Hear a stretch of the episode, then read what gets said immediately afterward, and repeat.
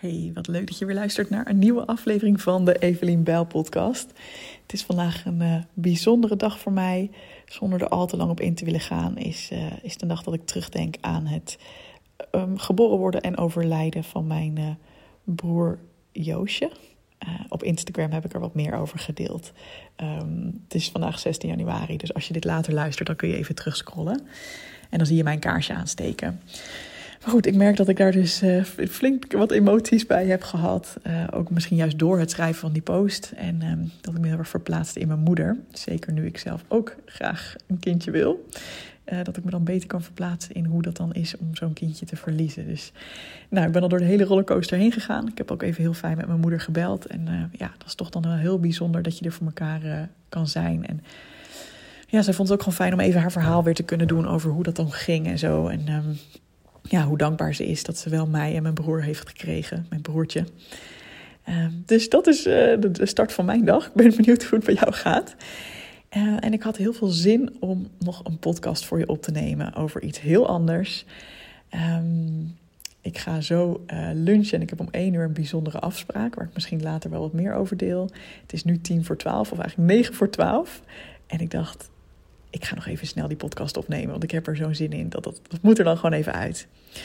Nou, deze podcast gaat over een uh, vraag die ik laatst kreeg tijdens een Q&A van mijn programma De Perfectionisme Coach Academie. Daar doen allerlei coaches, therapeuten aan mee. En uh, de vraag was nu, en die krijg ik wel vaker... Ja, ik vind het best wel heftig om kritiek te krijgen of om ontevreden klanten te hebben. Uh, zeker als ik merk dat zij zelf eigenlijk niet de benodigde acties opvolgen, maar dan wel kritiek hebben op mijn methode of aanpak. Dus ik heb even vijf uh, tips opgeschreven en die uh, neem ik lekker met je door. de eerste is weet je, besef dat het heel normaal is dat kritiek je raakt. Want je bent een mens en het is voor niemand leuk om kritiek te krijgen. En als je er ook nog eens een keer coach of therapeut of hulpverlener bent... of een ondernemer die gewoon een hart voor de zaak heeft... dan is de kans heel groot dat je ja, ook wat gevoeliger bent dan gemiddeld.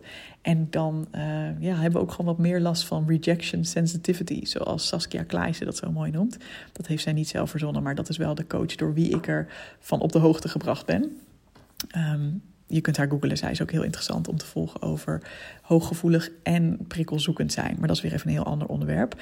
Maar belangrijk dus, het is dus heel normaal dat kritiek je raakt. Dus wees heel mild voor jezelf. Dat is de eerste tip.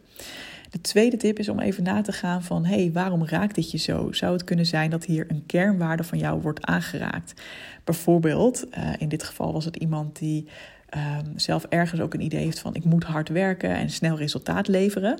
En ze kreeg juist kritiek op dat het allemaal niet snel genoeg ging. Dan komt het soms een beetje extra dubbel binnen, omdat je denkt ja ik doe toch juist mijn best om dingen snel voor elkaar te krijgen en dan ah, wordt dat niet gezien zeg maar. Hè? Dus dat is um, heel interessant om te kijken van ja zit hier juist iets van een kernwaarde of misschien um, ja ook wel een beperkende overtuiging van mezelf van dat dit heel belangrijk is. Hè? Iets wat, wat je buitenproportioneel belangrijk maakt. Dat doet ook vaak meer pijn als je daarop wordt afgerekend. Uh, dan als het iets is waarvan je denkt: ja, nou ja, ik vind het ook niet zo heel belangrijk. Weet je wel? Um, het derde wat je kunt afvragen is of er een kern van waarheid in de kritiek zit.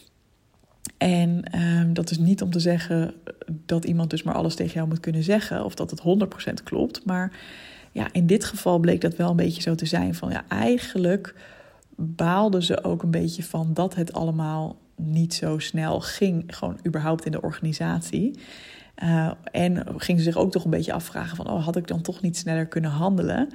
En als er dan ook een soort van oordeel op jezelf zit over dat thema, dan, ja, dan komt het natuurlijk ook uh, vaak wat meer binnen. Hè? Dus het kan zijn dat je denkt van, oh ja, ik heb dat ook eigenlijk niet helemaal goed gedaan.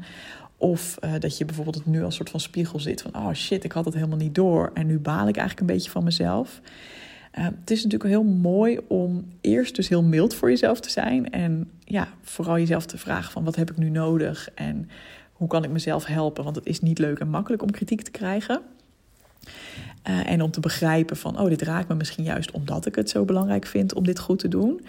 maar je kunt natuurlijk ook jezelf vragen, hey, kan ik hier iets van leren? Wil ik hier iets van leren? En dan niet vanuit zelfverwijt, maar meer, hé hey, ja, is het iets wat ik misschien een volgende keer anders zou willen doen? En het antwoord mag ook nee zijn, hè? maar ja, dit is wel een nuttige vraag ook om jezelf te stellen. Als je al jezelf de ruimte hebt gegeven. Vaak als uh, licht perfectionistische mensen hebben we de neiging om te snel hierheen te gaan te snel ons uit te putten in excuses en uh, helemaal het boetekleed aan te trekken. Dat is zeker niet de bedoeling. Daarom zeg ik ook eerst mild zijn voor jezelf. Uh, en dan kijken van, nou, wat kan ik hiermee? Het vierde wat ik je mee wil geven is om te beseffen dat de kritiek van jouw cliënt of jouw klant voortkomt uit zijn of haar eigen pijn vaak. Hè? Um, in dit specifieke geval was het dat uh, de mensen heel graag wilden dat er iets snel geregeld werd voor hun geliefde. Dus het ging niet per se over haar als coach of als therapeut, maar gewoon de pijn van die mensen, die staat eigenlijk helemaal los van jou. En je mag dus ook die pijn van jouw cliënt of cliënten, mag je gewoon zien als, oh ja, ik, ik zie dat daar wat geraakt wordt. En wat er vaak gebeurt, is dat er dan ook bij ons iets getriggerd kan worden. Waardoor we denken: oh, ik heb het dus niet goed gedaan. Of je veroordeelt mij. Maar als je dat eigenlijk een beetje los van elkaar kan zien. En gewoon kan zien van: oh ja, die ander heeft pijn. En um, nogmaals, ik zorg goed voor mezelf als ik geraakt word. Maar oh ja, ik zie jouw pijn. En ik kan daar erkenning aan geven. Dat is vaak al een hele grote, ja, zachte ehm, pleister of zo. Snap je wat ik bedoel? Dan heb je eigenlijk al zo'n mooi zicht op die ander. En dan haal je het ook heel zuiver uit elkaar. Vaak raakt het een beetje ver, uh, verward met elkaar. En daardoor kunnen we ook, hè, omdat we ons bijvoorbeeld aangevallen voelen, kunnen we ook niet meer helemaal zien van hé, hey, wat gebeurt er eigenlijk bij die ander? En soms weet je ook niet precies wat er bij die ander gebeurt. Dus dan is het ook goed om daarop door te vragen. Van hé, hey, wat, wat, wat maakt dat het je zo raakt of dat je het zo belangrijk vindt? Ik wil dat graag goed begrijpen. En dan kun je dat erkennen van, oh, ik snap ook wel heel erg dat het vervelend voor je is dat dit al zo lang duurt. En je wilt natuurlijk graag dat het goed gaat met jouw familielid. Nee, dat begrijp ik heel goed. En dat kan je erkennen zonder dat het überhaupt nog gaat over of jij het dan anders had moeten doen. Weet je wel? Weet je wel? Weet je wel? en um, de laatste stap, de laatste tip is eigenlijk om het om te draaien naar een liefdevolle en helpende overtuiging voor jezelf want het kan bijvoorbeeld zijn dat je, dat je heel erg graag bent en denkt van ja, zij moet vinden dat ik mijn werk goed doe. Uh, zij mag eigenlijk geen kritiek op mij hebben. Wat als je dat zou kunnen omdraaien naar hé, hey, ik doe wat ik kan, ik doe mijn best. dus dat je heel erg naar jezelf toe focust. Het is genoeg als ik mijn best doe. Kijk, we kunnen niet beïnvloeden hoe al onze cliënten ons waarnemen. Natuurlijk, we doen ons best in ons werk. Ehm, ik, ik, weet als geen ander hoe het is om uh, met cliënten te werken. Je doet je best, je wil het allerbeste. En soms gaat het niet helemaal zoals allebei de partijen willen. Um, en wat dan heel mooi is, is om dus, dit is ook weer een manier om eigenlijk heel liefdevol naar jezelf te zijn. Van in plaats van, oh shit, het is helemaal verkeerd, zij moeten mij geweldig vinden. Naar, oké, ik doe echt mijn best. Het is genoeg als ik mijn best doe. Uh, ik leer misschien van deze situatie. En ja, daar jezelf ook mee geruststellen. En ook daarmee vergroot je ook eigenlijk heel erg je, ja, hoe zeg je dat? Je tolerantie of zo voor dat andere mensen mogen vinden wat ze vinden, maar dat jij, ja, jouw verantwoordelijkheid is om het beste te doen wat jij op dat moment kunt doen, binnen de kaders die voor jou passen. Je hoeft niet alles te doen zodat iedereen jou maar geweldig vindt. Dat is niet jouw rol. Dus ik denk dat dat een hele mooie is. En eentje die ik eigenlijk nog niet eens genoemd heb, maar die ik ook heel erg belangrijk vind, is soms kan het ook zijn dat mensen kritiek op je hebben omdat je eigenlijk gewoon niet zo'n goede match met elkaar bent. Dus als een cliënt van jou kritiek heeft en je denkt zelf, ja, maar je doet ook zelf nooit het werk wat ik eigenlijk verwacht van mijn cliënt, of vind je het gek dat je dan het resultaat niet krijgt, ja, dan zou je ook kunnen afvragen: is dit wel mijn ideale klant? Dus Hè? Dat geldt natuurlijk niet voor iedereen. Het is heus niet als je een keer kritiek krijgt dat het dan meteen is van, oh, dan pas je niet bij mij.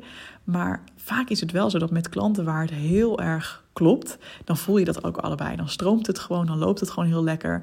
En als je vaker merkt dat een bepaald type klant of een, een bepaalde klant ja, heel vaak kritiek heeft, dan kan het inderdaad ook zijn van ja, diegene heeft misschien gewoon andere verwachtingen of uh, andere ideeën over wat hij of zij uit het traject met mij wil halen dan ik kan bieden. Of dan ik wil bieden.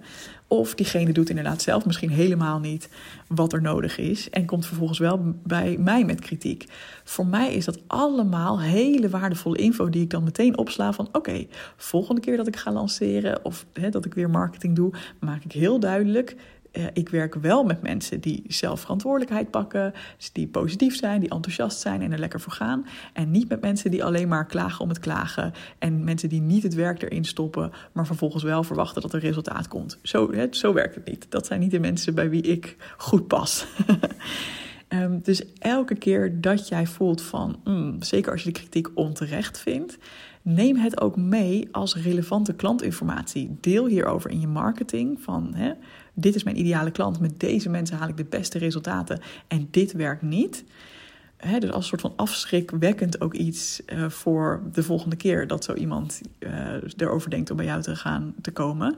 En het trekt ook juist heel erg mensen aan die wel heel leuk zijn om te denken: oh ja, zo zit ik ook in elkaar. Natuurlijk neem ik verantwoordelijkheid. En dan ben je alleen maar aantrekkelijker.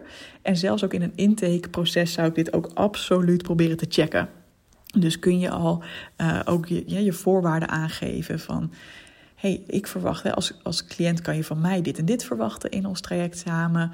Um, en dit is wat ik dan vervolgens van jou verwacht. Of dit is wat, je, wat er wel nodig is om resultaat te halen. Wees daar maar le lekker duidelijk over, want dan kun je daar ook op terugpakken gedurende het traject. Alright, ik hoop dat je hier wat aan hebt gehad. Het is nu 1 over 12, dus ik ga lekker uh, mijn lunch klaarmaken. Mocht je dit nou een nuttige podcast vinden, super lief als je hem deelt met iemand anders die er ook wat aan kan hebben. Of als je een review achterlaat op Spotify of Apple Podcasts.